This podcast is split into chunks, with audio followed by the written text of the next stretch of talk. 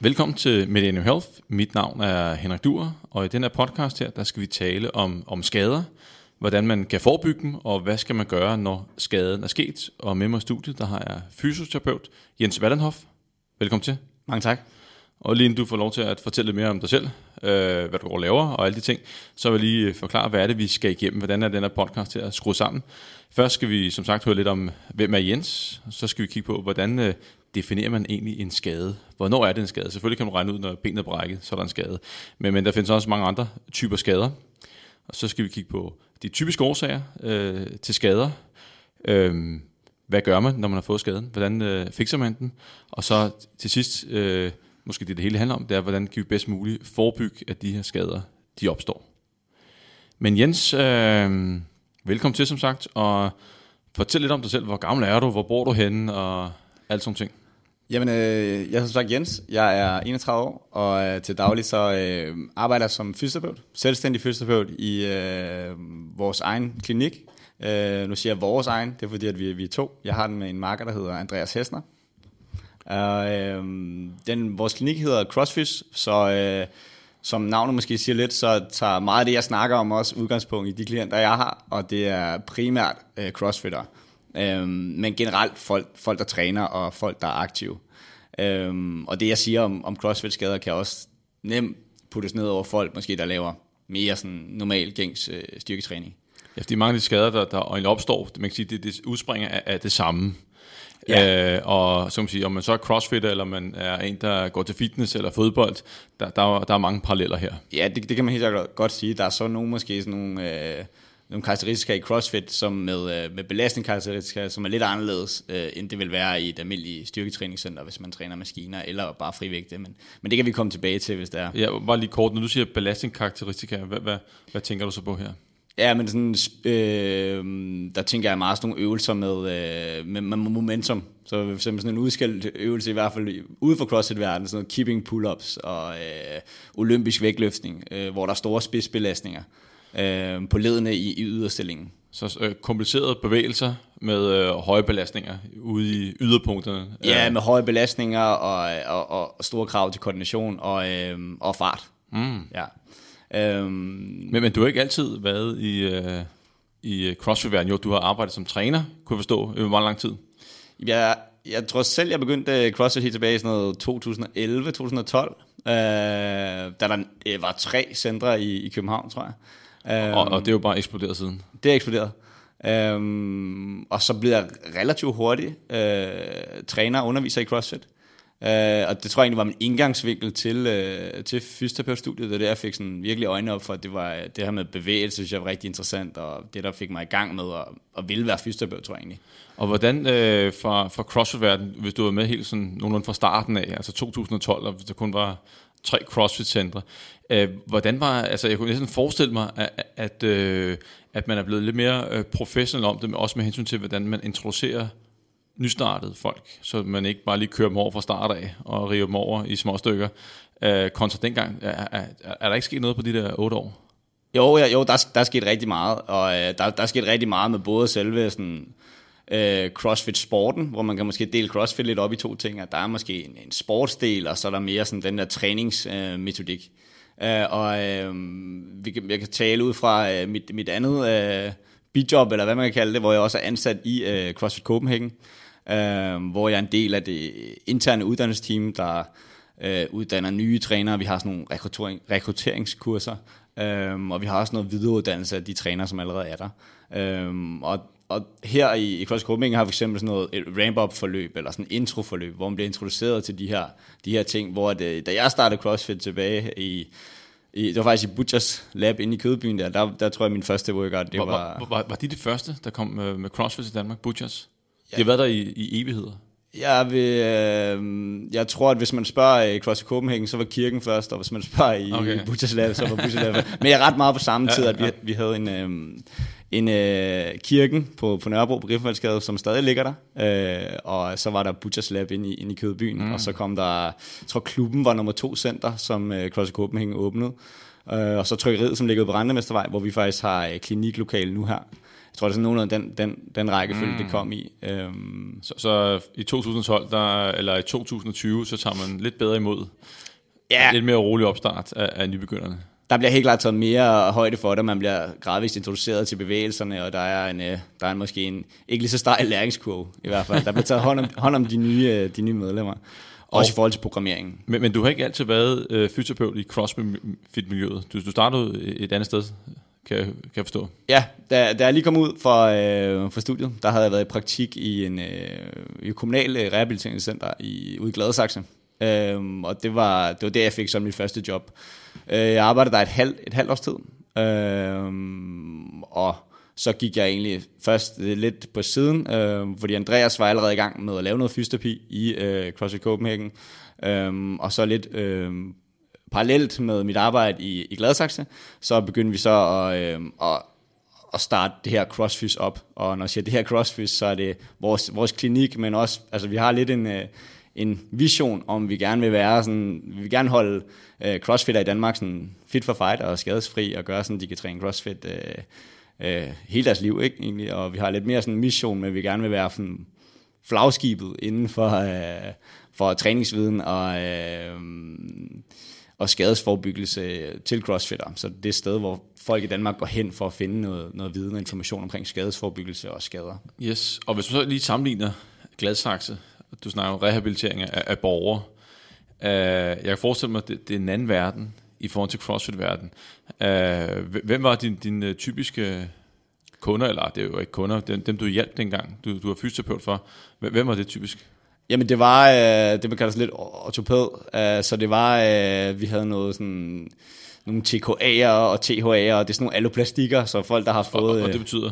Ja. ja, det er folk, der har måske har fået en ny, et nyt knæ, eller fået en ny øh, hofte, eller sådan nogle ting, hvor de har været i en eller anden større operation øh, på hospitalet, og så skal ud øh, og genoptrænes. Eller det kunne også være folk, der har fået en øh, korsbåndsoperation. Jeg var, jeg var selv en, øh, en del af det, man kaldede øh, OE-teamet, ikke? så det var sådan skulder, OED overkroppet. Okay, øh, ja. ja. Øh, Så, så det var sådan skulderteamet, hvor vi havde nogle skulderhold, og øh, det var selvfølgelig nogle helt andre problematikker, end vi ser nu. Øh, hvor at, øh, det mere øh, var sådan overload skader, eller også var det øh, slitage hen over lang tid, så lidt ældre klientel måske, end det jeg ser nu. Ja. Og, og hvad, hvad, når du siger overload, hvad, hvad betyder det så, så dem, der ikke er med på det, er lytter? Ja, vi tror, vi kommer lidt tilbage til det også, men, Ja. men, men vi har i hvert fald noget, en over, deler sådan lidt skader op i, om det er en sådan overuse-problematik eller en overload-problematik, hvor er det en, en, øh, en overload-skade, det vil typisk være, at du får en, øh, lad os sige, du får en, en takling til fodbold, eller at du, øh, hvis vi skal det over i sådan en træningssammenhæng, at du laver et dødløft, og så får du sådan en akut smerte, mm. eller... Øh, Ja, der, En- der sker en- ikke så mange taklinger i CrossFit-centeret. det gør der heldigvis ikke. det gør der altså, det er en akut skade, kan man sige. En akut skade, og, og det kan også være en ældre borger, som er, som er faldet mm. og brækket hoften, eller sådan noget i den stil. Det er overload, yes. Ja, og en overuse-skade, det er mere noget med, at der kommer sådan lidt snigende, en snigende smerte, eller man kan sige, akkumuleret over tid, typisk. Mm. Den kender jeg. Ja, ja. den kender de fleste, ikke? Altså, det er også sådan, at de fleste oplever en eller anden form for, øh, for smerte, hvis man lever et aktivt liv, og det er jo også øh, normalt. Ja. Og som, som fysioterapeut, øh, har- du så selv været, været skadet? Eller er du god nok til at forebygge? Jeg har, jeg har aldrig ondt. det tror jeg ikke på. jeg, øh, ja, det har jeg. Jeg har haft større og mindre skader, og øh, før, øh, før jeg begyndte på CrossFit, og da jeg var helt ung og frisk, der spillede jeg en masse fodbold, og øh, jeg havde en, øh, jeg, jeg stoppede egentlig med fodbold, jeg spillede også på sådan et øh, semi-højt niveau, jeg stoppede med fodbold, for øh, jeg fik en øh, sådan diskusprolaps. Mm. Øhm, og jeg blev opereret dengang, og det var sådan lidt langt, ikke et kompliceret genoptræningsforløb, men bare sådan lidt langt, sejt øh, genoptræningsforløb, som øh, måske gjorde, at jeg mistede glæden lidt ved, ved fodbold, og egentlig fik meget den der pause-tilgang til det. Øhm, så, så, så jeg har selv oplevet at være på den anden side, og være den der skader, være den der måske ikke kan lave det, man gerne øh, vil lave. Mm. Øhm, ja. Så, så du har også øh, forståelsen for folk, der, der, der er skadet. Øh, og også det der med, at når man er fysioterapeut, tager man så sin egen medicin. Gør man alt for at forebygge. Er, er du meget bevidst om det, øh, når du selv træner og de ting? Er, er du også god til at lytte til din egen krop? Jeg vil sige, at jeg, jeg, jeg er måske stor fortaler for, at man skal sådan practice lidt what you preach. Uh, men altså, jeg skal ikke sige, at jeg ikke laver nogle, uh, uh, nogle ting, jeg ikke vil anbefale andre at gøre måske, men jeg, jeg går da helt klart op i, uh, i sådan øh, gradvist eksponering til ting, og have en progression i sin øh, styrketræning, og som, som er en, en skadesforbyggende ting. Øh, så, så ja, det vil, jeg, det vil jeg sige jeg. Og lige vi går videre til, hvordan man egentlig kan definere en skade, så har du været en smule inde på det, men, men, men når man nu er fysioterapeut, altså, bliver bare ikke spurgt om alt muligt. Altså lige inden vi startede, der, der begyndte jeg at snakke om min skinben og, ja. og alle mulige andre ting. Altså hvordan er det til familiefester og alle mulige andre? Bliver man så overfaldet af, af, af familiemedlemmer eller kollegaer på arbejdspladsen, som uh, lige har spørgsmål til deres skulder eller knæ? At, ja, altså det korte svar er ja, det synes jeg, man gør, ikke? og man bliver altså bedre og bedre til at, at måske at ride af på den, fordi at, øh, at øh, det er jo tit øh, det her øh, quick fix, folk leder efter. Ikke? Det er jo det her med, øh, jeg kan give dem en øvelse, og så fikser jeg deres problem, eller jeg kan... Øh, Øh, jeg kan lige trykke dem øh, to gange på skulderbladet, og så er de ikke ondt i skulderen mere. Men, men, men det, for det er typisk de her quick fix, jeg, jeg, jeg i hvert fald hører folk søger, men, men det er bare sjældent det, øh, der er løsningen. Så mm. derfor er det selvfølgelig svært at blive spurgt om de ting der. Men jo, jeg synes, man bliver tit spurgt om... Øh, ja, jeg, altså, jeg ved, at øh, min søster, storsøster er, er læge, og altså... Uh, vi har også en underviser på Fitness Institute, hvor jeg også underviser, som også er læge, som får, de får alle mulige spørgsmål uh, fra alle. Ja. Uh, så altså, jeg kan forestille mig, at det var det samme for fysioterapeuter. Ja, det er det også, men når det så er sagt, så er min tid heller ikke uh, mere vigtig, end jeg meget gerne vil give folk uh, råd og vejledning. Og uh, det gør jeg på bedst mulig måde, og fortæller dem også, at det her det er jo det er jo nogle, det er jo nogle råd og, og, og retningslinjer, jeg kan give dig, uden at have lavet en, en rigtig god undersøgelse og test på dig. Så, så hvis vi skal øh, lave noget mere konkret, så vil jeg anbefale, at du booker en tid. Det plejer jeg at sige til folk. Ikke? Men, men, øh, men altså, jeg vil altid gerne, altså, det er ikke fordi, jeg siger, at man ikke må spørge mig til råd, fordi jeg, så, altså, så koster bare min tid, eller jeg vil meget gerne hjælpe folk, og jeg vil meget gerne øh, give folk de bedst mulige råd, men, øh, men det er sjældent, du giver folk nogle rigtig gode, øh, gode råd som på stående fod, hvis man lige får at vide, at de har ondt. Øh, mm. Ja, selvfølgelig. selvfølgelig. Sted, ikke? Nå, men lad os øh, starte med det næste punkt på dagsordenen, og det er lidt, øh, altså, hvor, altså, hvordan definerer man en skade? Øh, jeg, jeg, jeg er med på, at, at man, øh, hvis man har brækket benet, eller skulderen er gået af led, så, så, så, så er den jo, jo klokkeklar. Øh, det er de der såkaldte overload-skader. Men, men overuse, fordi en ting er altså lidt, lidt ømhed efter en træning, men, men hvornår er det egentlig et, øh, et, et problem? Ja, man, man kan sige... Er, er der nogle definitioner her? Hvad, hvad går du efter? Ja, altså sådan, hvis man læser sådan, øh, litteraturen omkring det, så, så er det jo også øh, øh, med de forskellige sådan, forskning, der er lavet på det, så er det også forskelligt, hvordan øh, studierne øh, øh, inklusionskriterier er, ikke? så derfor er det også svært, øh, men, men der er nogen, der for eksempel, der er, altså, hvor at de, de definerer det lidt efter, okay, du skal i hvert fald have haft ondt i, i minimum fem dage, eller sådan noget, ikke? så man sådan sikrer, at det netop ikke er den der øh, ømhed eller, eller doms, ikke? Øhm, men, men det er jo svært, at, hvad er en skade, og hvornår er det en vævsskade, og hvornår er det en smerte, og hvornår kan vi vide, hvad der er hvad. Det er jo det er utrolig svært at sige, og, øhm, og, og som sagt, så er der forskellige steder, hvor man definerer det sådan lidt forskelligt.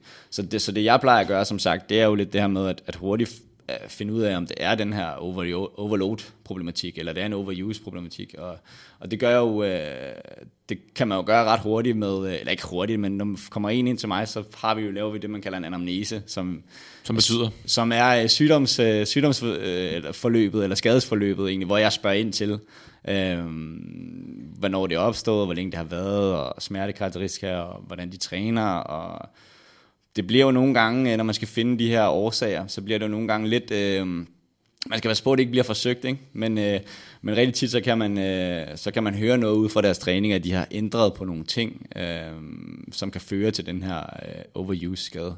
Er det sådan en, en, en, en, øh, en typisk ting, når, når folk de ændre på noget. Øh, nu kommer vi til det årsagens mm. senere, men, men det er vel der, hvor at, at måske skaden kan opstå, øh, hvis der er en for kraftig progression, og øh, man skifter øvelsen ud. Øh, det er jo sådan en, en klassiker. Mm. Men øh, som sagt, det kommer vi, vi øh, tilbage til. Ja. Så hvis man sidder derude og øh, hvad skal man sige, øh, har haft en, en ømhed i kroppen, muskler, sener, led, og, og, og vi, vi er ude over de der 5-6 dage, og det, og det er ikke rigtigt, vi går væk så er vi, er vi så derovre, hvor man skal nok begynde at gå til øh, telefonen eller øh, til tasterne og så kontakte en, en fys, fordi så er vi ud over den normale træningsømhed, og så må du skyldes noget andet, eller hvordan? Altså, jeg vil, jeg vil sige, sådan, det, det, handler jo øh, det handler også lidt om, hvor, hvor altså, vi, når, vi, når vi træner, og vi er aktive, så vi vil jo nok altid opleve en eller anden form øh, for smerte, små øh, skader, skavanker og ting. Og øhm, der er det ikke nødvendigt altid at, at bare fare ind og booke en, øh, en tid hos en fysioterapeut, men måske hellere bare sådan kigge lidt på sin egen træning, finde ud af øvelsesvalg, hvilke øvelser gør det ondt i, og så en periode skrue ned for de ting, der gør ondt, og så egentlig gradvist introducere tingene igen. Øhm, så, så jeg vil sige, at øhm, men hvis nu, er, jeg vil helt klart også sige, hvis der er noget, der, der, der hæmmer en meget i ens træning, eller ens hverdag måske endnu mere, altså hvis det, øh, hvis det indvirker på din, på din hverdag, og du har mange smerter, så synes jeg da klart, at man skal, man skal booke en tid og finde en, øh, en behandler. Ja, fordi man kan sige, øh, øh, træningsomheden skal jo forsvinde på et tidspunkt, og, og hvis den bliver der øh, over, for lang tid, jamen jo længere tid der går, jo værre er det vel. Altså, jo længere man, man lader stå til med at lade ømheden være der. Jeg kan forestille mig, der er forskel på, at man har haft øh, øh, problemer i måske en, en uges tid, og så tænker jeg, jeg lader lige køre et stykke tid, og så går der to uger, tre uger, fem uger, mm. og det bliver endnu værre. Der er vel en fordel i at tage det i opløbet. Selvfølgelig skal man ikke skræmme folk og sende folk til fysen, men, men, men der er jo lidt vel, jo før jo bedre, man, man griber ind.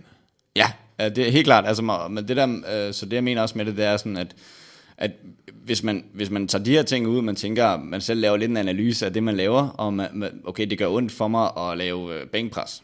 Okay, så lader jeg være med at lave øh, bænkpres en periode. Øh, så bliver det min smerte bedre. Så, øh, så kan man gradvist indføre det igen. Men lad os sige, at smerten ikke bliver bedre, når, de, når det hjælper ikke at holde pause for de ting, der forvolder det. Så synes jeg, da, altså, så, så er det lidt en anden, øh, en anden sag.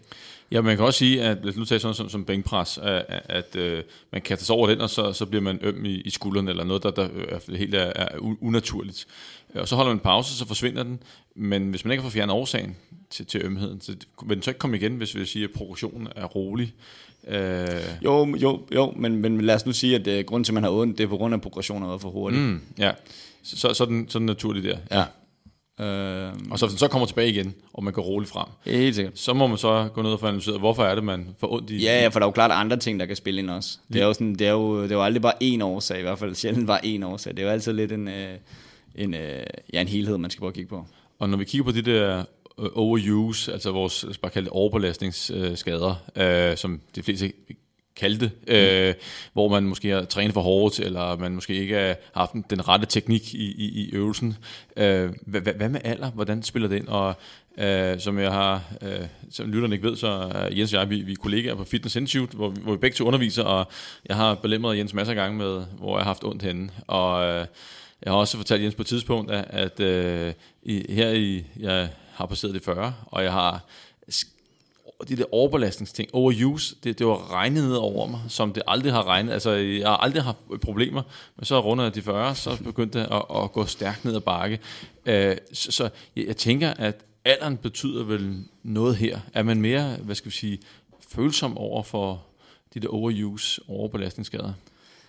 Ja, altså, jeg, jeg, jeg, jeg tror, jeg vil starte med at sige sådan, at øhm, hvad, jeg kan tale ud fra, hvad jeg oplever i klinikken for eksempel, med, øh, med de crossfitter, jeg har med at gøre. Og jeg ser, der ser jeg ikke nogen sammenhæng som sådan mellem skaden, og øh, heller ikke alvoren af skaden, eller, eller svær, sværhedsgraden af skaden, skal man sige, øh, og alder. Det, her, det ser jeg ikke, og jeg tror også, i hvert fald hvis man kigger på, nu er det det, jeg dykker meget ned i sådan crossfit-litteraturen omkring skader, så er det heller ikke sådan, man ser, at, øh, at alderen skulle have noget sådan, øh, at gøre med, med skadesprævalensen. Øh, men, men når det så er sagt, så er der jo helt klart en... Øh, men man ved jo fysiologisk, at der er en, en, når man rammer de 30 der, så er der jo en hurtigere, øh, altså aldringsprocessen, den går lidt hurtigere, både muskulært og, og, og knoglestrukturmæssigt, og måske endnu mere, når man kommer op på de der øh, 40 plus, ikke? Så, så, så, så, så, så, så, det vil sige, det, det går jo ned og bakke på den måde, og der er man jo nok også givetvis sådan mere... Øh, modtagelig, hvad man kan sige, over for de overuse-skader. jeg øh, forestiller mig, hvis, hvis restitutionstiden, det er tilbage til det med, som vi kommer til at tale om lige om lidt, øh, årsager med, ja. med progressionen. Ja. Hvis man, øh, hvis ens resolutionstid er, er nedsat, ja. Og, ja, det tager længere tid, og man træner som dengang man var 25. Men det er også det, jeg, jeg, den er måske lidt for egen regning, men jeg, jeg tror også, man kan se sådan lidt, måske ikke kun at det er nok ikke kun af det der aldersaspekt, men det er måske også lidt ens livssituation. Altså, hvor er man henne i livet, ikke? Altså, øh, man, da man er 22, 23, og øh, skal nok kan sove til klokken 10 om formiddagen, og får øh, sin 7-9 timer søvn, og så jeg ved jeg da selv nu, nu har jeg to to forholdsvis små børn, ikke? Man får måske ikke lige sovet det der. Man får ikke lige den helt sådan, samme Jens Jens tid. Så man skal nok... Øh, Øh, og man har noget karriere, og man kører noget, der, der er lidt mere stress på arbejdet, og der er generelt årligere tid til at restituere. Det tror jeg også bare er, er med i den pakke, så det er måske ikke kun er alder, men det er også mere sådan livssituation, hvilken, hvor er man hen i livet. Yes. Så øh, lad os øh, rulle videre til sådan årsager øh, til skader. Og øh, da vi talte sammen øh, inden den her podcast her, så talte du lidt om, øh, at der, sådan, man kan sige, der er internt og eksterne årsager. Hvad, hvad, hvad, hvad ligger i det? Kan du lige beskrive, øh, hvad, hvad de to forskellige går ud på? Jamen, jeg plejer at, at dele sådan lidt op, når, når der kommer en ind, så, så som sagt, så har vi den her øhm, anamnese, som var, som var skadeshistorie, ikke? Og, og, og, den. og, og der, der er sådan helt overordnet, der prøver man at søge lidt ind i de her, øh, man kalder, øh, eller vi kalder eksterne faktorer, ikke? Og, og de eksterne faktorer, det er øh, bundet op på øh, sådan noget træningsplanlægning, eller træningsprogrammering, hvor der er nogle forskellige knapper, man kan skrue på, når man, når man træner, og der er også noget frekvens, ikke? altså hvor ofte træner jeg, og så er der øh, volumen, hvor meget træning laver jeg, øhm, og så er der intensitet, hvor tungt det er, og øvelsesvalg. Og, og, og uden det, man skal prøve altid, uden det bliver forsøgt, men når jeg sidder og snakker med folk, så prøver jeg at fiske lidt de der ting frem. Øhm, og rigtig ofte, der kan man finde øh, en eller anden af de her knapper, øh, som der er blevet skruet måske lidt for meget på en periode, eller bare blevet skruet lidt mere på en anden. Øhm, så, så hvis man har gået og... Øh, hvad skal vi sige, gået med det samme program i lang tid, og det egentlig fungeret meget godt. Mm. Og så kommer der, så tænker man, nu, nu skal der ske noget. Nu, nu skal jeg have et nyt program, eller jeg skal være endnu bedre form. Så drejer man jo lidt på, på knapperne, så øh, træner man hårdere. Øh, der kommer nogle nye øvelser ind. Ja. Øh, og og øh, det er det, du prøver at kigge på, at finde, finde frem til, at, at, kan det den der, det nye program fremgangen mod hensyn til øvelser eller udskiftning, og øh, hvor hårdt man træner, at, at det, det, det, det her, vi, vi har, de, de eksterne mm. øh, årsager.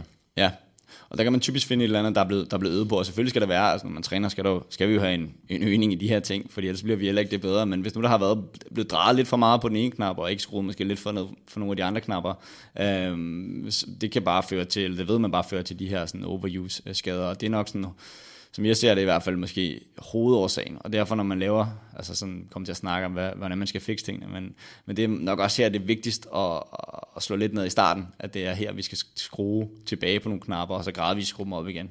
Og det er også, hvad kan sige, det, og det er jo ikke kun for CrossFit, det gælder jo al, al form for træning, om det er fodboldtræning, løbetræning, svømmetræning, at, at øh, programmet skal jo være, være tilpasset dig, og går man for hurtigt frem, jamen, så stiger risikoen for skader. Øh, jeg ved også, en, en forløb, hvis, hvis man pludselig øh, øh, går for hurtigt frem med antal kilometer om ugen, eller der kommer for meget intensitet på, jamen så er det også, så stiger risikoen for skader. Og, og jeg tænker, at inde i, for sådan nogle OU-skader, som er, virkelig er, er udbredt, mm. der er det vel det forkerte program, der er årsagen. Ja, ja, eller det forkerte program, i hvert fald der er blevet, ja, det kan man godt sige, men i hvert fald der er blevet lavet for meget for hurtigt, eller sådan, ja. ikke? Altså, det, jeg mener bare, det er et forkerte program i, i forhold til udgangspunktet for folk, hvad, hvad, hvad kan de klare i forhold til, hvor, hvor det er? Ja, øh, helt sikkert. Og, og, og hvad er, er det, øh, nu gætter jeg bare lidt, men er det, øh, er det fordi, at øh, folk får dårlig rådgivning, eller de, fordi de, de får utålmodige, de vil gerne være i god form for 14 dage siden, ikke om tre måneder, øh, eller har, har du nogen sådan, kan du gætte lidt på det her? Ja, men, men altså, det, det er jo også, at øh, der skal jo også være en form for progression i ens træning, så det er jo, det er jo, øh, det er jo en normal tilgang at gå for at træne, øh, okay, jeg træner to gange om ugen, nu træner jeg tre gange om ugen. Det er, jo, det er jo ikke, fordi jeg vil, det vil jeg kunne sagtens rådgive folk til, men det kan sagtens være en af årsagerne, det er jo ikke den eneste årsag til skaden måske, men det kan sagtens være en af årsagerne, der, der er med til at give folk en skade. Ikke? Og det vil jeg ikke sige er forkert øh, rådgivning eller forkert planlægning, men det er nok bare, at man er, altså, at man er gået lidt for hurtigt frem, øh, i forhold til måske også, vi kommer til at snakke om de interne faktorer, at de ikke helt har været øh, altså, det er jo samspil mellem det, det eksterne og det interne, ikke? Det er jo aldrig bare, altså, jeg tror aldrig, man kan aldrig bare sige, at det er kun det her, det er fordi, du er stedet i volumen her. Øh. Og, og hvad ligger der så i de interne faktorer, hvis vi siger, det eksterne er lidt måden, du træner på? Ja. Og hvad, hvad, hvad, hvad ligger der så i, i det interne? Jamen, de, de interne faktorer, der deler vi lidt op i sådan, der kigger lidt på tre ting i hvert fald altid. Kigger på sådan noget, øh, øh, kigger på styrke, så styrke, sådan robusthed, og vi kigger på øh, mobilitet, og kigger på teknik. Og nogle gange har teknikken jo også... Øh, eller og mobilitet, øh, for dem, der ikke lige har hørt det begreb før, er det sådan, hvor god man er til at bevæge sig, bevægeudslag, fleksibilitet, øh, smidighed, eller... Ja, ligger, er der en definition på mobilitet? Altså mobiliteten er jo mere bare sådan, om man har fuld øh, hvis man kan sige, range of motion i, i et sled. Eller sådan, så kan, kan skulderen komme øh, helt op øh, på linje med ørerne, for eksempel. Så har man okay mobilitet. Så man kan sige, om bevægeligheden er, er, er, er god nok? Bevægeligheden, ja. ja. ja. Yes. Øhm, og så er, det jo, så, så er det jo tit det samspil mellem de her to ting, at øh, måske man kan se, at der er blevet skruet lidt meget, for meget op for for eksempel, lad os sige, et overhead pres, øh, og man ikke har den her øh, grundstyrke til at være i den position, eller man ikke har mobiliteten til at være i den her position, og så er det nok en samspil mellem de her ting, som, som gør så, at man så akkumulerer skaden over tid. Ja. Ja. Og, og, og, og der kan man sige, det er jo også lidt øh, tilbage til selve programmet, når man så skal tage udgangspunkt i, jamen, øh, hvilken bevægelighed har folk? Mm. Øh, hvor gode er de, eller hvor bevægelige er de omkring et, et bestemt led? Og hvis de så ikke er specielt bevægelige, skal man så kaste mod i, i en øvelse, som, som de ikke egentlig er, hvad skal vi sige, er bevægelige nok til. Ja. Det, er, det er der også en, hvad skal vi sige, en vis risiko i. Ja. Og, og, og, og den er vel også, øh, det der med, med, med nye øvelser, øh, øh, det er vel også sådan, jeg ved ikke, hvor meget den, hvad din erfaring den batter, fordi man kan hurtigt regne ud, hvis du træner mere flere, mere, flere gange om ugen, selvom det er det samme program, og øh, progressioner er hæftige, så giver det en risiko for øh, skader. Ligesom hvis du, lad os sige, du starter med, du løber 20 km om ugen, næste gang, ugen efter, så er du 40 km. Ikke? Det er også en hæftig progression. Men det at skifte, skifte øvelser øh, til, hvor du ikke er, hvad skal vi sige, øh, hvad skal vi sige, kropsmæssigt kompetent til at, at, at udføre dem. Hvor, hvor, hvor din erfaring, hvor ligger det henne sådan på risikoskalaen? Og det er svært at lave sådan en risiko, øh, risikovurdering, men øh, i hvert fald ud fra egen erfaring, at, at folk er gået for hurtigt frem med en, en kompleks øvelse. Og øh, når jeg tænker en kompleks øvelse, så jeg sige, hvis igen det over lidt i CrossFit-verdenen, det kunne være sådan en, en, en keeping øh, ring muscle up. Som er, hvor du hænger i ringene, og så skal du øh, trække, svinge dig op, øh, så du står i, med overkroppen oppe, og så... Øh, ret arm. Ja, ja, så du hænger i bunden af, af ringene, ja. altså du hænger bare ringen med strakte arm, og så skal du egentlig ende op i toppen af, af sådan et, et dip. Ja. Øh, til, til at slutte med, ikke? Øh, og så skal du igennem nogle forskellige positioner igennem ringen, ikke? Som, som er sådan en lidt mere kompleks bevægelse, som egentlig er en, en blanding af et, en pull-up og et, øh, og et dip. Og øhm, der, det, der sætter jo store krav til alle mulige. Det sætter store krav til koordination, og det sætter store krav til øh, mobiliteten at kunne lave det her kip, og det sætter store krav til noget stabilitet, at man skal gribe sig selv i ringene. Ikke? Og folk kommer for hurtigt frem der. Det, det kan også være, at man, man har måske nogle dygtige trænere, undervisere, der, der hjælper en til at lære noget sådan... Øh, noget, noget teknik, ikke? Som, man, som man egentlig godt kan udføre bevægelsen, fordi der er noget bevægelse med momentum, men du kan måske ikke lave øh, pull-ups og, og dips på en strict måde. Ikke? Der er jo den her... Øh, hvis man også kigger på sådan vævs øh, adaptationstider, så man har muskler, de bliver sådan rimelig hurtigt stærkere, ikke? og så går det langsommere med, øh, med sener og ligamenter. Ja, det går og, faktisk en, en del langsommere. Og leder en del langsommere. Ikke? Så, så, så rigtig sit, eller, ser nogle gange, at folk øh, bliver stærke nok til at lave en øvelse, netop fordi der måske er noget kompetent øh, vejledning i det, og, sådan, og så, øh, så følger de andre strukturer ikke helt med, og så er det der, man, man møder de der overuse-problematikker. så, så derfor er det altid godt at kunne lave tingene sådan... Øh, altså udført de mere simple basic øvelser, før man måske kaster sig ud i de der lidt større, øh, mere komplekse bevægelser. Så, så det interne ting var, det var sådan lidt med din, en styrke, robusthed, mm. så var det bevægeligheden, mobiliteten i ledene, mm. og det sidste var, var, det var så teknikken i, ja. i øvelserne. Ja. Og, og det er jo, øh, og det må man så ikke undervurdere, at, at, at jo mere kompliceret øvelsen er, øh, jo mere skal man være sikker på, at man egentlig har en rigtig teknik og ikke mindst mobilitet, inden man, man begynder at, at smide på. Og men progressionen skal måske også være langsommere her, hvis det er sådan en, en øh, kompliceret, meget belastende øvelse, som, som øh, muscle-ups, eller hvad det nu måtte være. Ja, altså progressionen bør jo være øh, det langsommere, ikke? især hvis man, hvis man tager en udgangspunkt i muscle-up, så bør man jo kunne lave en god tomferregel er, at man kan lave måske 5 5-6 øh, pull-ups, i hvert fald ikke, at kunne lave, hvis man kan det, kan man højst også lave nogle dips, men, men, men så kunne lave det samme antal øh, sådan ring dips, ikke? Men, men øh, hvis man ser bare på sådan nogle gymnaster, så går der jo altså lang tid, før de begynder at svinge i baren og sådan noget. De kan fandme lave noget, noget strikt arbejde, så, så, så det giver jo rigtig god mening at arbejde på den her statiske, dynamiske, lidt mere sådan mindre komplekse bevægelser, før man giver sig i gang med at lave de der lidt større øh, keeping-bevægelser. Og så dem, som så sidder og lytter med, som sidder i fitnesscenter, som ja. ikke øh, kaster sig over stænger og ringe osv., men som sidder i maskiner Ja. øh, og, øh, og laver deres øh, trækøvelser og presøvelser, brystpres, skulderpres, øh, øh, de skal jo ikke være så nervøse, fordi øh, med hensyn til, altså der er jo ikke så store krav til teknik i sådan en brystpres i, i, i maskine. Øh, det er jo bare, den kører næsten i sig selv i en bane. Mm. Så der, der er, øh, er skadesrisikoen med hensyn til det interne vel øh, betydeligt lavere, end hvis man tager en, øh, øh, eller en olympisk løft i, i vægtløftning-agtigt noget. Øh, Ja, helt sikkert. Der, der vil være en mindre risiko der, og det vil, det vil jo være... Øh, det vil der helt sikkert være, og det, der vil selvfølgelig være øh, heller ikke så lige så store krav til sådan noget, for eksempel mobilitet, og der vil jo ikke være lige så store sådan, spidsbelastninger på ledet i yderstillingerne, sådan, fordi det er jo mere en låsbevægelse, så det vil jo selvfølgelig være en mindre risiko i forhold til de interne faktorer, ikke? Men, Så, så, så man kan sige, så det, de, de folk, der sidder der, når de oplever noget øh, ømmehed, overuse-agtigt, så er det måske ikke så meget de interne faktorer, fordi at, at der er grænser for, hvad, hvor store krav sådan en maskine stiller. Ja. Øh, så er det måske mere de eksterne faktorer, at det selve er, er programmet. Mens har vi en, øh, en øh, crossfit-løfter, øh, crossfit-udøver, som, som laver en masse komplicerede øh, løft og øh, træk og pres og hvad ved jeg, øh, så er det måske mere, okay, det kan være det ene eller det andet. Ja, men, øh, og, og, og gerne og typisk et samspil, ikke? Og, og man kan sige, at øh, jeg vil altid anbefale folk at kigge på de øh, eksterne faktorer først. Altså sådan, det, få styr på det først, og så øh, når der er styr på det, så øh, begynder at kigge på de interne faktorer. Øhm, det, og ligegyldigt om man er crossfitter, eller man træner, noget, øh, man træner i, et, øh, i sådan et øh, global gym. Yes. Ja.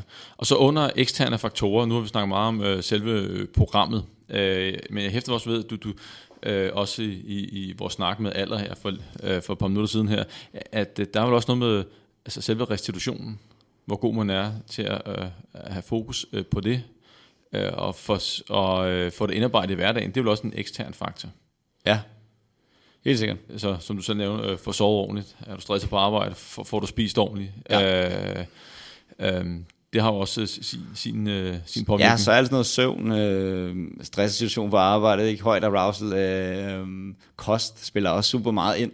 Øh, og det er det typiske, det er ikke altid, jeg snakker med mine patientklienter om det, men øh, det er mere, hvis jeg sådan fornemmer det efter noget, det er ikke altid, sådan spørger ind til det, men det er mere, fornemmer det efter lidt tid, at, øh, at det kan være en faktor her, men det er, det er en... Øh, det er, det er også en super vigtig faktor. Ja, Ikke? fordi så- sådan noget som søvn øh, og for, for sovet ordentligt, det er jo øh, ekstremt vigtigt altså for, ja. Ja. for vores restitution. Ja. Øh, Og, og, det er der også ret meget forskning, der, der peger øh, Ja. altså rigtig god evidens for egentlig, at det er sådan super vigtigt. Ja, hvis man kører et, et, et hårdt program, og man ikke får sovet ordentligt, øh, så, så er det en udfordring. Øh, og vi ved jo, at, at for professionelle sportsfolk, øh, de, de sover længere, og der er enormt stor fokus på, at de her, de egentlig får sovet ordentligt. Øh, jeg kender nogen, der, der, der er ude i, i, i fodboldklubber øh, på, på højt plan, og hvor øh, også internationalt set, hvor de også monitorerer søvnen og søvnkvalitet.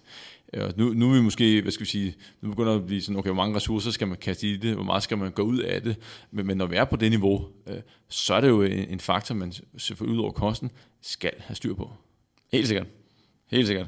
Og øh, det er en svær, øh, nogle gange er det bare sådan, også en svær faktor at skrue på som, som fysioterapeut. Øh, man kan jo godt sige det til folk, men øh, så er der jo også noget, som vi snakker om før med, med livsomstændigheder, der gør, at, øh, at det ikke er en faktor, man kan skrue på, fordi at, øh, at ens barn vågner fem gange. Ja, og der er pres på jobbet, og, ja. øh, så, så det er ikke... Øh, Men, men så handler det måske om at tilpasse sin træning i den situation, man er i lige nu. præcis. Øhm, men jeg er helt sikker, at det er, en, det er også en, en stor faktor.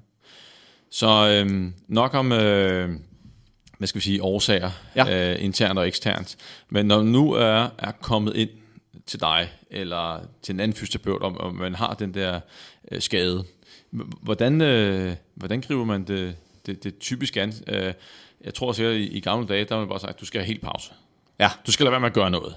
Ja. Øh, men, men det er efterhånden blevet en dødssynd, eller hvad? Øh, ja, Nu skal vi lave noget, eller hvad? Det, ja, altså pause, det er jo, det er jo rigtigt nok. Det er, det, er, det er nok en sandhed sådan med modifikationer, ikke? Fordi at jeg vil næsten, det er meget sjældent, jeg fortæller folk, øh, du, skal, du skal ikke træne nu. Øh, du skal lige holde det helt pause, ikke? Det kan ske, men det er meget sjældent, at gøre det. Og det tror jeg også, øh,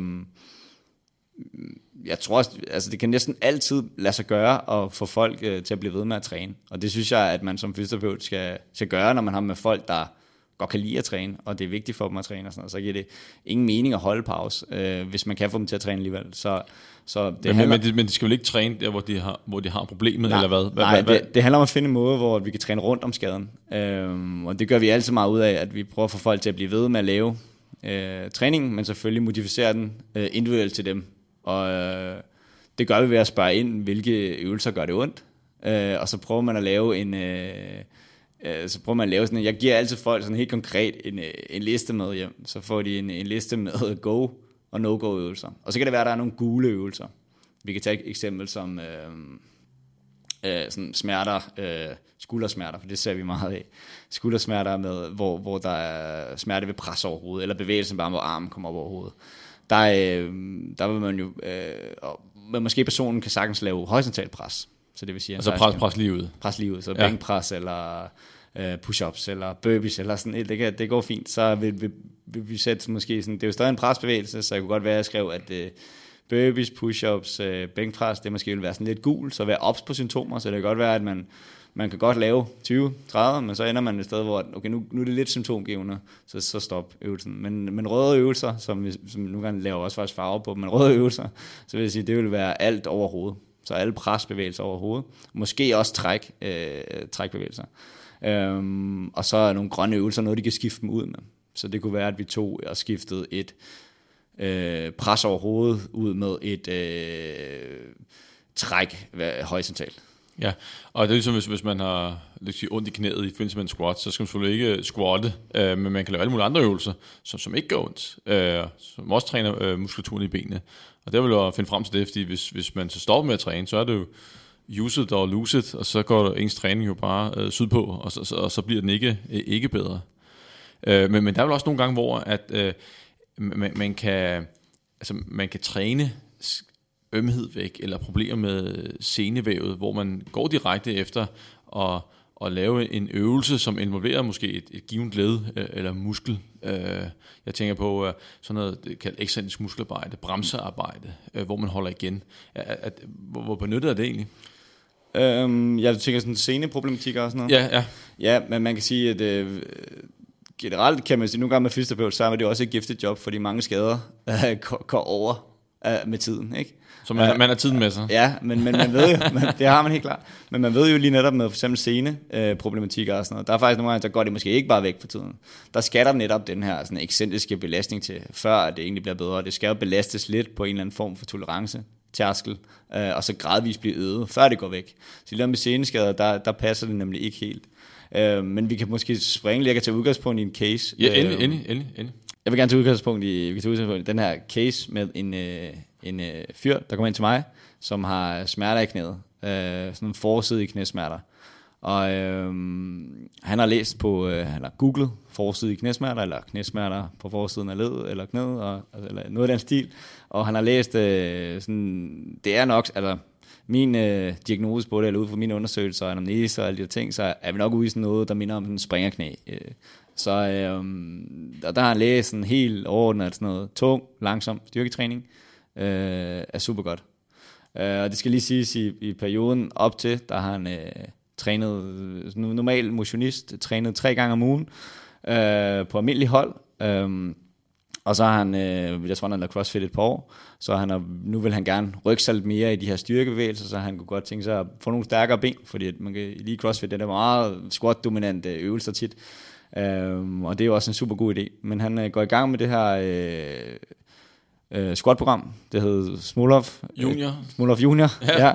Som er, øh, det er også sådan et lidt russisk øh, squat-program, som, øh, Det som lyder, er det sådan, lyder hårdt. Ja, det, er- det er også et lidt hårdt program, og som, det er nok også et, øh, eller det er et lidt hissigt program til, øh, til nybegyndere. Øhm, der er en stor volumen i, og jeg tror, at han kører en frekvens på sådan tre gange om ugen med squat, så nu hedder hans træning lige pludselig øh, 3 watts om ugen, så den skar han ikke ned på, så den lod han blive. Så tre normale træninger om ugen. Tre normale træninger om ugen, hvor der er ret mange øh, squat-bevægelser i, og, øh, og så tre gange, øh, tre gange squat-program.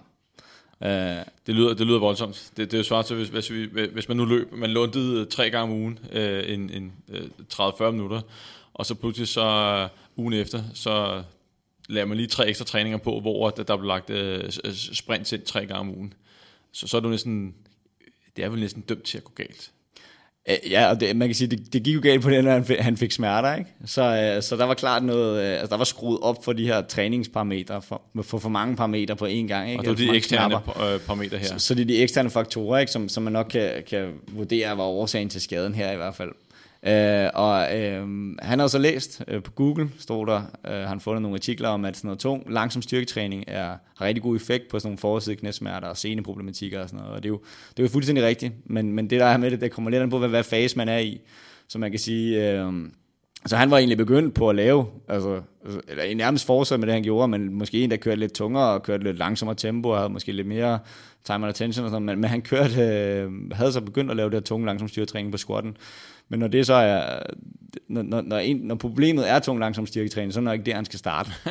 så, så, så der handler det så om at, at tage ham ud af de her bevægelser, der gør ondt, ikke? Igen, så nu var det squatten, så en periode, så så sagt, ikke så meget for at sige, at folk ikke må træne, fordi man kan jo altid fortsætte med at træne på en eller anden måde. Han vil også sagtens skulle træne ben, men tegner nogle gange, når det er svært at tegne podcast her, men, men nogle gange sådan et uh, continuum for folk, hvor i den ene ende, der er der nu en, uh, en, der laver et squat. Det kan være måske helt oppe på det øh, spektrum, og der har man en squat med noget vægt over hovedet for eksempel. Det kræver, at man skal have knæene langt frem. Uh, og, øh, og så vil der komme måske sådan et, et squat med noget vægt foran, sådan en front squat, så back squat, og så måske komme et goblet squat eller sådan noget imellem der, eller noget af den stil. Ikke?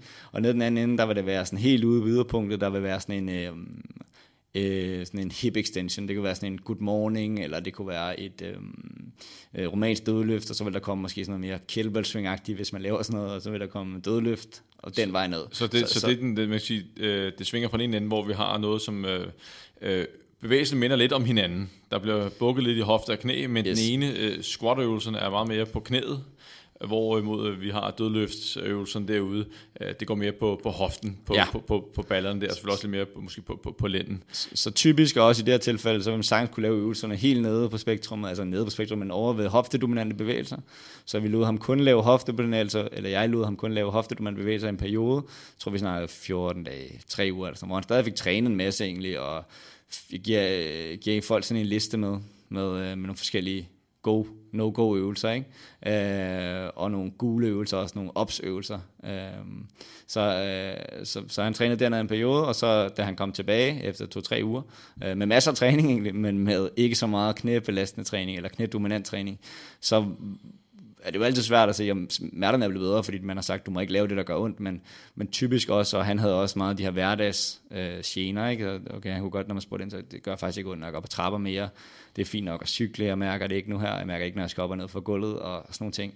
Og så, når man er i den fase nok, den der, hvor de her meget lavbelastende øvelsestræninger, det gør ikke ondt, når jeg squattet mere, eller bare lavet squat uden vægt, så, så kan man så begynde at indføre gradvist den her progressiv, øh, tunge, langsom styrketræning, ikke? som så skal indføre fordi, fordi, og, plus, plus man, gik du så fra det mere, hvad skal vi sige, dødløftagtige øvelser over mod mere squat-lignende bevægelser med, med vægt på, eller var du stadig i, hvad skal vi sige, hofteområdet, dødløftområdet, øh, eller... Jamen, jeg gik helt klart, altså starter, nærmest følger kontinuumet op på en eller anden måde, ikke? så starter gør det mere og mere, skruer mere og mere op for den her knædominante bevægelse. Jeg tror, vi startede med at lave nogle sådan lidt uh, split squat bevægelser, hvor der ikke er lige så stor knævandring øh, fremad, og så lavede det langsomt ekscentrisk, og så ender det jo så ud i et, i et squat med stor knævandring, ikke?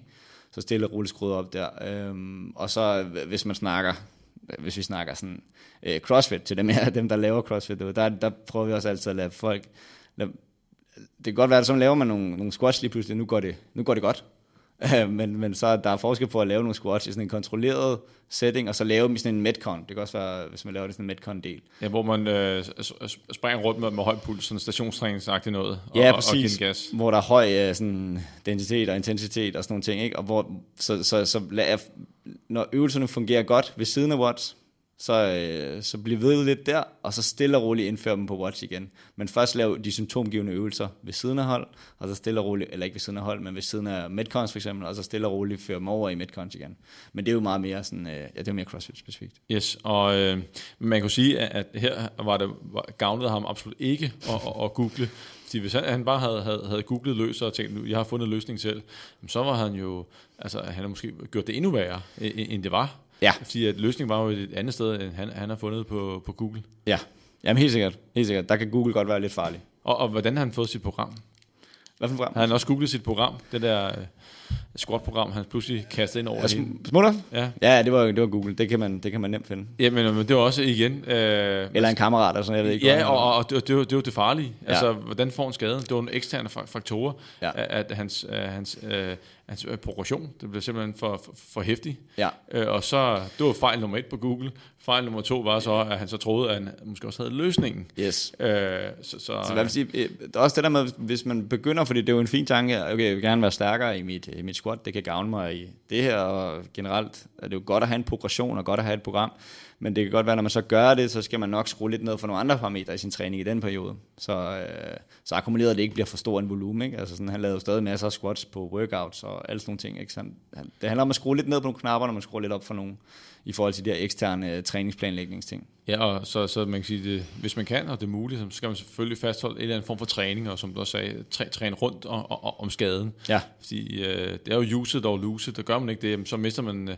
en stor del af den form, man ja. Har opbygget, og plus at det, det bliver også nemmere at komme tilbage igen. Helt sikkert, og jeg, hurtigere. sy- jeg synes jo også, at det er, det, det er jo altid, øh, når, når man, er, man kan være ham den irriterende, øh, lidt småirriterende fysioterapeut, som jeg er nogle gange, tror jeg, at man prøver at, og øh, altså lad, det, lad den her tid, hvor jeg har ondt i knæet, lad det være en periode, hvor jeg så bliver bedre til nogle andre ting. Øhm, jeg prøver altså lidt at øh, spørge folk ind til, hvad deres øh, mål er med, øhm, med det, hvad deres mål er, når de kommer til genoptræning, hvad deres forventninger er, men, og det er jo typisk de vil af med skaden, men, men typisk er der også et eller andet mere sådan performance-relateret mål, hvor man kan øve det imens. Lad os sige, vi kan øve noget, øh, så kan man øve en eller anden skade for overkroppen. Det kan være, jeg har ondt i knæet, okay, så fokuserer jeg mere på at lave noget strict gymnastik, eller lave noget, øve mig i at stå på hænder, eller sådan et eller andet der. Og det synes jeg, altså det er jo et, et, super godt råd, også sådan, ja. Så man ikke føler, at, at åh nej, nu, nu, er det, nu er det tilbagegang, at man egentlig øh, tager den der tilbagegang, der måske er omkring knæet, øh, og vender til fremgang et, et andet sted, sådan Ja. så man bliver, og, og- og det, det, er jo, det er jo med til at, at gøre perioden, hvad skal vi sige, øh, den der pause øh, for knæet lettere at sluge, at man så faktisk, faktisk bliver bedre til noget andet i mellemtiden. Helt sikkert, altså, det er vigtigt at få folk til at blive ved med at træne der, og så er det måske vigtigt nogle gange at fange dem lidt på en anden motivation, end bare at komme af med smerten. Øh, og der, det kan jo simpelthen være det der, okay, så kan du prøve at øve dig, øve dig i at stå på hænder imens. Det er et eksempel, men det gør måske også, at folk kommer ned og får lavet deres øvelser, for så har jeg ligesom sådan en rigtig træning at komme ned til. Så skal jeg ikke bare ned og lave fem øh, uh, elastikøvelser, eller fem øh, øh, fysøvelser, vel, så skal jeg ligesom lave det her program. Det er jo også super for, for motivation. Ja, præcis. Ja, ja, Ja. men øh, nå, øh, det var, det var et, et, et, super godt tip. Øh, jeg ved også, du har en anden case, øh, bare he, he, helt kort, øh, men du var, med, du var ikke sådan en, en, en overuse-skade, men det var en, der var kommet til skade med knæet overload, noget med noget me- menisk. Ja, Og øh, øh, han blev, var så blevet scannet og øh, fået nogle øvelser fra sikkert hospitalet eller lægen der, og så på et tidspunkt, jamen, så de øvelser, de, de rækker jo til, til et vist niveau ja og så skal der nogle andre ind over, for, så man kommer tilbage igen. Men man må ikke tro, at så er man tilbage. Øh, så skal man jo ud i måske den virkelige verden og, og, og få trænet. Og der tog du den her person her, og hvad, hvad var fremgangsmåden der? Så, Ja, men han, han har som sagt, øh, han har fået en øh, menisk-lesion, øh, altså han er blevet syet i menisken øh, og været, blevet mærskannet, og dermed efter det blevet opereret, han valgte at få en operation. Det er jo, øh, det er jo tit et valg, man selv kan vælge. Det kan man altid snakke for imod, men det tror jeg ikke, vi skal, det tror jeg ikke, vi skal nu. Det er en anden Det tror jeg ikke, vi skal ind på. Ja, det tror jeg. Men, øh, men ja, han, han kom til mig efter de der, øh, jeg tror det er sådan fire uger efter operationen, eller sådan noget. De værste restriktioner er over, altså hvad han ikke må, og sådan noget, flektere knæet helt med belastning og sådan nogle ting. Øh, altså både, øh, både Bøjer knæet helt. ja, med belastning. Ja. Yes, ja. Øh, og, øh, og han vil jo gerne i gang med at, at lave øh, crossfit igen, og der er stadig noget hævelse på knæet, han har faktisk fået det i forbindelse med crossfit, selvom jeg sagde, at vi ser ikke rigtig overload-skader som sådan, men han har lavet sådan nogle box jumps, overs, hvor man skal dreje lidt, og så har han været uheldig at række rundt, da han hopper ned fra boksen, og egentlig fået den her meniskade. Men, øhm, så det var et eksempel på en overload-skade i, i CrossFit alligevel. Men så, øh, så prøver vi med ham at, at tilgangen lidt det samme, altså det her med, at han kan jo ret hurtigt at lave hoftedominant øvelser, og dermed få en god bentræning. Man kan sige, øh, han har også fået, øh, det var faktisk øh, menisk og korsbånd det her, skal lige Så en sige. ordentlig omgang. Ja, men det, det, det kan være en typisk ting, at man er både menisk og altså korsbånd ryger, så er der nok også Og, noget og, og det kommer box jump. Det kommer i boksjam, ja. Det der, Så der, der skal man være, være, være, være opmærksom. Var, var han, øh, hvordan opstod den? Var, var han uopmærksom? Øh, hvad, fordi at, øh, han har jo selvfølgelig ikke landet ordentligt. Øh, jeg, tror, jeg tror, det til sidst i en workout lidt akkumuleret øh, træthed og været sådan lidt øh, ja, diffus på en eller anden måde. Men han har i hvert fald lavet, men, men måske mest af alt bagheldig. Altså han hoppede over, det er sådan, hvor du hopper op på boksen, og vender du lidt i luften på en eller anden måde, så man ja. gør det hurtigt, og så hopper ned på den anden side, og så vrikker han rundt. Er det, øh, og typisk er det jo en skade, man vil se med noget impact, altså ja. noget, en takling eller sådan ja. noget, hvor, hvor foden bliver stående i, i jorden ikke, mm. til fodbold for eksempel, og så knæet ryger. Øhm, men det er bare super uheldigt. Det kan også være, at der har været noget menisk inden. Ja, ja. ja. Altså, man bare ikke kan vide. Det lyder som en voldsom skade for et boxjump. Helt sikkert. Men tilbage til, til genoptræningen der. Han, ja, tilbage. han kan rimelig hurtigt starte nede og lave noget øh, hoftedominant træning, før han kan begynde at knædominant Som er over i dødløftsområdet. Ja, derovre, ikke? og måske helt op på sådan noget romansk dødløft i, i starten og sådan noget. Men, men det, det, det, der måske lidt af forskellen her, han skal jo stadig gå for det her, på det her kontinuum, stille og roligt op imod det her. Og det er den her, især med overivskader, men også med det der gradvis eksponering tilbage øh, til de symptomgivende øvelser på en eller anden måde. Ikke? Men, men, men øh, med ham har vi sådan, der vil, så har vi så haft lidt mere fokus på det, det manuelle, altså der, der er noget, altså han har ikke fuld flektion i knæet, han kan ikke bøje knæet helt, øh, så der har været lidt mere manuel øh, for at få bevæget knæet. Der er også stadig noget hævelse, så det har været lidt mere sådan noget, øh, og sådan lidt drænerende øvelser, at han har hjulet rundt på en cykel uden så meget, og han har lavet sådan nogle små knee extensions med elastik, ikke? Og så øh, prøvede vi så hurtigst muligt, det synes jeg i hvert fald giver god mening igen, også for motivationen, ikke? Altså gør det så... Øh, sportspecifikt som muligt, og hans sport er jo uh, CrossFit, det er det, han vil tilbage til, ikke? Så vi lavede, uh, vi lavede sådan nogle reverse sled drags. Så, det, så dem, som... Uh, det, folk kender den der slæde, som man løber op og ned med. Ja. Man, man presser med skiver på, og så vender man den så om, og så løber tilbage igen. Og her, i stedet for at presse, skubbe den, så trak han den. Så trak han den, hvor han lavede nærmest en fodrulle, når han gjorde det. Ikke? Altså sådan, så, så det blev meget sådan nogle små leg extension, som egentlig lavet gående. Mm. Så, så når folk de ser nogen trække slæden i stedet for ja. pressen, så, så på det ikke råbe, stop, stop, du gør det forkert. Nej, nej, nej. Der, der, det, kan, der kan være en generelt, lad være med at råbe stop, stop til folk, hvis de laver, så, så, laver så, så, så, der er en mening med galskab, hvis, hvis man ser nogen trække sådan en slæde, og ja. pressen, som 99% vil gøre. Ja, helt sikkert. Ja. Øh, og øh, så skal vi så gradvist på ham øde vi range of motion mere og mere, ikke? Øh, over knæet, indtil der var fuld range of motion, og så stille og roligt tilbage til de her øh, squat-bevægelser igen. Mm. Yes. Ja. Og hvis vi så kigger på øh, sådan som øh, forebyggelse, mm. generelt set. Jeg, faktisk lige vi går dertil. Øh, hvor lang tid, hvis man har haft, øh, hvis vi lige tager de, de to cases, øh, nu er det så store individuelle faktorer, men mm. hvor lang tid gik der, inden de var tilbage igen? Ham med, øh, en ting var jo ham med, øh, hvad skal vi sige, der havde et knæ, og så var der ham med øh, menisk korsbånd. Øh, kan du huske, hvor lang tid, hvor mange måneder gik der, inden de var nogenlunde tilbage igen? Menisk korsbånd, jeg kan ikke helt huske, hvor lang tid det gik, men det var, det var nogle måneder, ikke?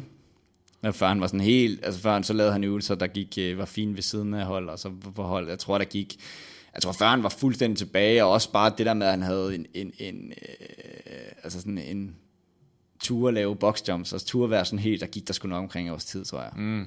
Altså med, med den der. Ja, og Men det var også mere, der var også nogle psykiske aspekter i det, hvad, hvad tør at lave det her og sådan noget der, ikke? Øh, med den anden, øh, jeg tror, at vi, jeg tror, at han var helt tilbage efter sådan noget 8 uger eller sådan Okay, så øh, selvfølgelig stor forskel. Jeg kan forestille mig, at de, de der øh, overload-skader, øh, de tager nok længere tid end en, en overuse-skade.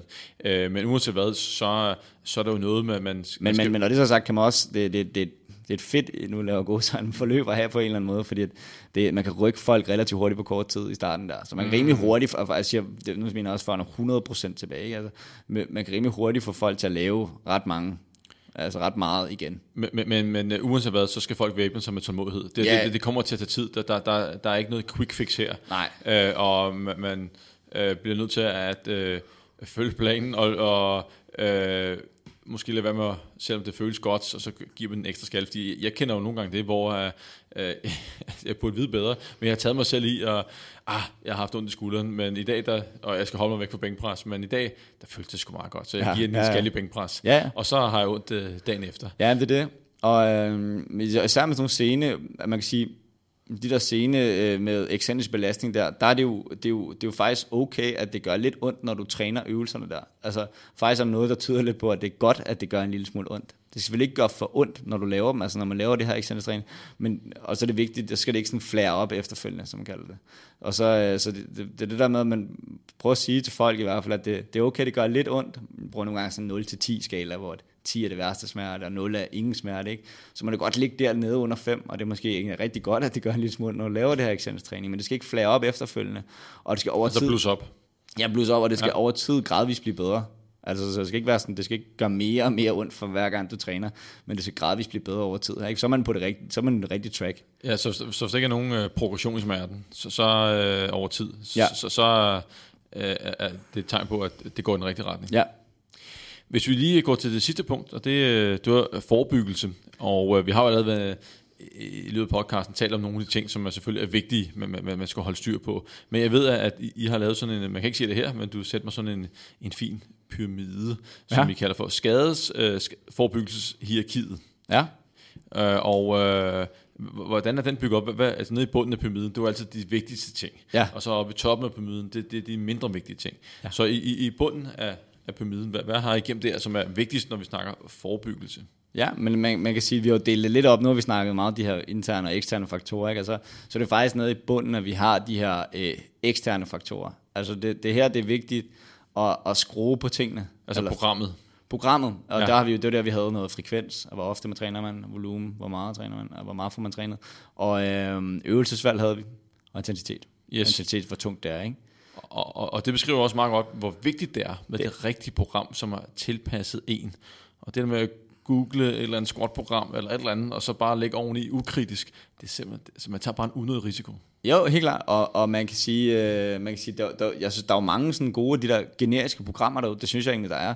Det er bare vigtigt så, hvis man vælger sådan et der, så skal man selvfølgelig tilpasse lidt hvad niveau, ikke? Altså som vi snakker om, det der Smolov russiske program, det er nok for, for meget til en nybegynder, men, men øh, og hvornår man så er nybegynder, og hvornår man Ja, ja, ja, ja, det er lidt svært. Men, men, men det, er, øh, det, det er vigtigt, at så når man skruer op for, for, for okay, nu skruer jeg op for min volumen på squat, og intensitet på det, så er det sgu vigtigt at skrue lidt ned for nogle andre parametre også, så den ikke får fuld blæs på alle knapperne. Ikke? Så man skal ligesom prøve at skrue lidt på knapperne. Og, og det er også der, jeg synes, at man, Øh, i forhold til, hvad man selv kan gøre egentlig, det, det, det er lidt her, man skal prøve at tænke, i forhold til at planlægge og forebygge. Øhm, det kan også være bare sådan en ting, at man har været på et... Øh, jeg har set nogle gange, at man har været på et squat, øh, eller sådan et, øh, et, øh, et fed workshop med en eller anden super dygtig øh, ekspert på squat eller dødløft og sådan nogle ting. Og så får man øh, ændret på sin teknik. Og den her ændring i teknik, når man gør det, for eksempel, når, det kan være, at man står lidt bredere i sin squat, det kan være, at man står holder lidt anderledes i dødløft, sådan så det, kommer sådan, hvor stor ændring er selvfølgelig ikke, men sådan markante markant ændring i sin teknik i hvert fald.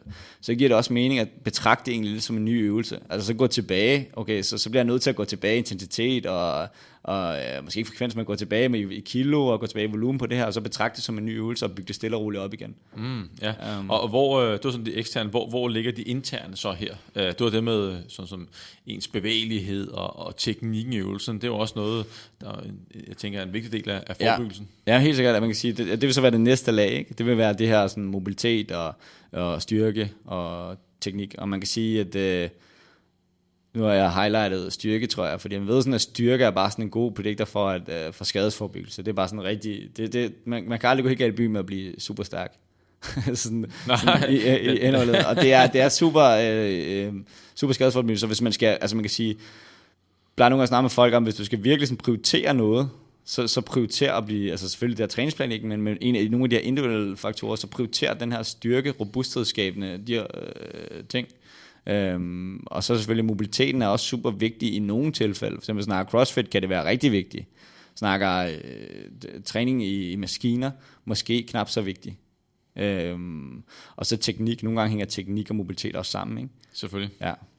Og så er der ellers derover, så kommer det, som vi også har været lidt inde på, uh, med hensyn til restitutionen, at man, man skal få sovet ordentligt, at man, man, man, skal få spist ordentligt, og eventuelt uh, kan der være nogle, uh, noget manuel behandling og, mm. og, og nogle kosttilskud. Så, så, så bunden af pyramiden, sindssygt vigtig Ja. uh, med, de, med de eksterne uh, faktorer. Og hvis vi skal prøve at runde øh, podcasten af her øh, og summere op, så kan jeg lige forsøge at summere op, og så kan du øh, lige skyde ind og sige, øh, Henrik, du skal lige, Ja, du skal lige, du ja. mangler lige, lige, lige denne her.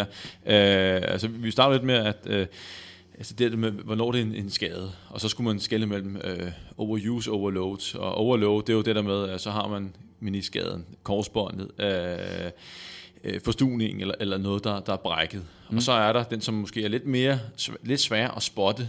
Det er den der øh, overuse, altså den normale sådan overbelastning, man, øh, hvor, hvor ømheden kommer. Og der kunne jeg forstå på dig, at, at når, hvis man har været øm over længere tid, måske fem dage eller mere, og det, det ikke aftager, og det måske bliver værre, øh, så skal man måske skynde sig at, at få gjort noget, og måske opsøge en professionel.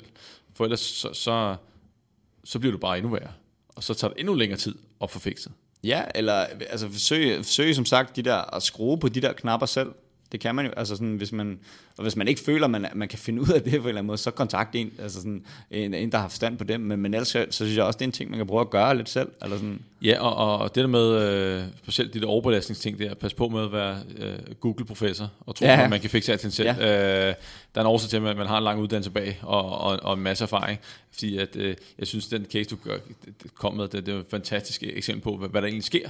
Ikke kun i CrossFit Center, men det sker over det hele. Ja. At, at man øh, downloader programmer, øh, man, øh, som man måske ikke har en stor kendskab til, man får programmer af en god ven, og så træner man det. Så, Ja, lige så, præcis. så tager man øh, risikoen. Og, og så er der øh, det der med årsagerne, der har vi jo inde på det der interne og eksterne, specielt det eksterne, at man, man simpelthen bare træner for hårdt på alle parametre i forhold til det, mm. man egentlig er, er, er bygget til. Ja. Og selvfølgelig, jo mere kompliceret øvelserne bliver, jo mere vigtigt er det med teknikken, og øh, øh, svært vigtigt med teknik med, med bevægeligheden. Ja. Øh, sådan som med, i maskinøvelser, der er ikke så store krav mm. øh, øh, til det interne. Det er jo måske sjældent det, der, der er årsagen til, at man, man får problemer der. Der er der mere øh, træningsprogrammet. Så, øh, så altid god forebyggelse. Øh, lyt til, til kroppen. Mm. Øh, og øh, har, har du noget, du vil supplere op med her? Nej, jeg tror bare, at jeg måske lige øh, måske slår stravn, og jeg, jeg, jeg vil meget noget sådan gøre, øh, man siger ikke heller ikke, nu sagde vi, at det, det er farligt at lave komplekse øvelser, og det er ikke farligt at træne i maskiner, fordi jeg vil måske også stå fast, at jeg ikke, øh, ikke gør folk bange for bevægelse, altså jeg vil opfordre folk til at lave øh, alle mulige komplekse øvelser, og, og, og gøre det alt sådan noget, øh, at- lave frivægtsøvelser og alt sådan nogle ting, men, men gør det med, gør det med gradvist progression, og gør det på en, på en, på en, ja, på en god måde, med måske få noget god vejledning i det og sådan noget, ikke? Sindssygt Så, så, øh, så det er bare også vigtigt, at vi, man ikke øh, siger, der er ikke nogen virkelig, siger, at der er nogle farlige øvelser, eller nogle forkerte øvelser, men mere bare sådan, der er selvfølgelig større krav til de mere sådan højrisikoøvelser, eller hvad man kan sige, og det er ikke fordi, man skal være bange for at lave dem, man skal bare Man skal bare være endnu mere opmærksom. give sig kast, og Ja. ja. så have, have, have med, med for øje de her sådan knapper, man kan skrue på i forhold til træningsplanlægning, og kigge lidt, okay, har jeg mobilitet øh, og sådan nogle ting, kan du give mening at arbejde med lidt med det først, og prøve at arbejde med de her, hvis vi snakker komplekse bevægelser i gymnastikagtigt, så prøve at, at, at øge ens lidt øh, kapacitet inden, altså det vil sige sådan noget strict arbejde uden momentum først, ikke?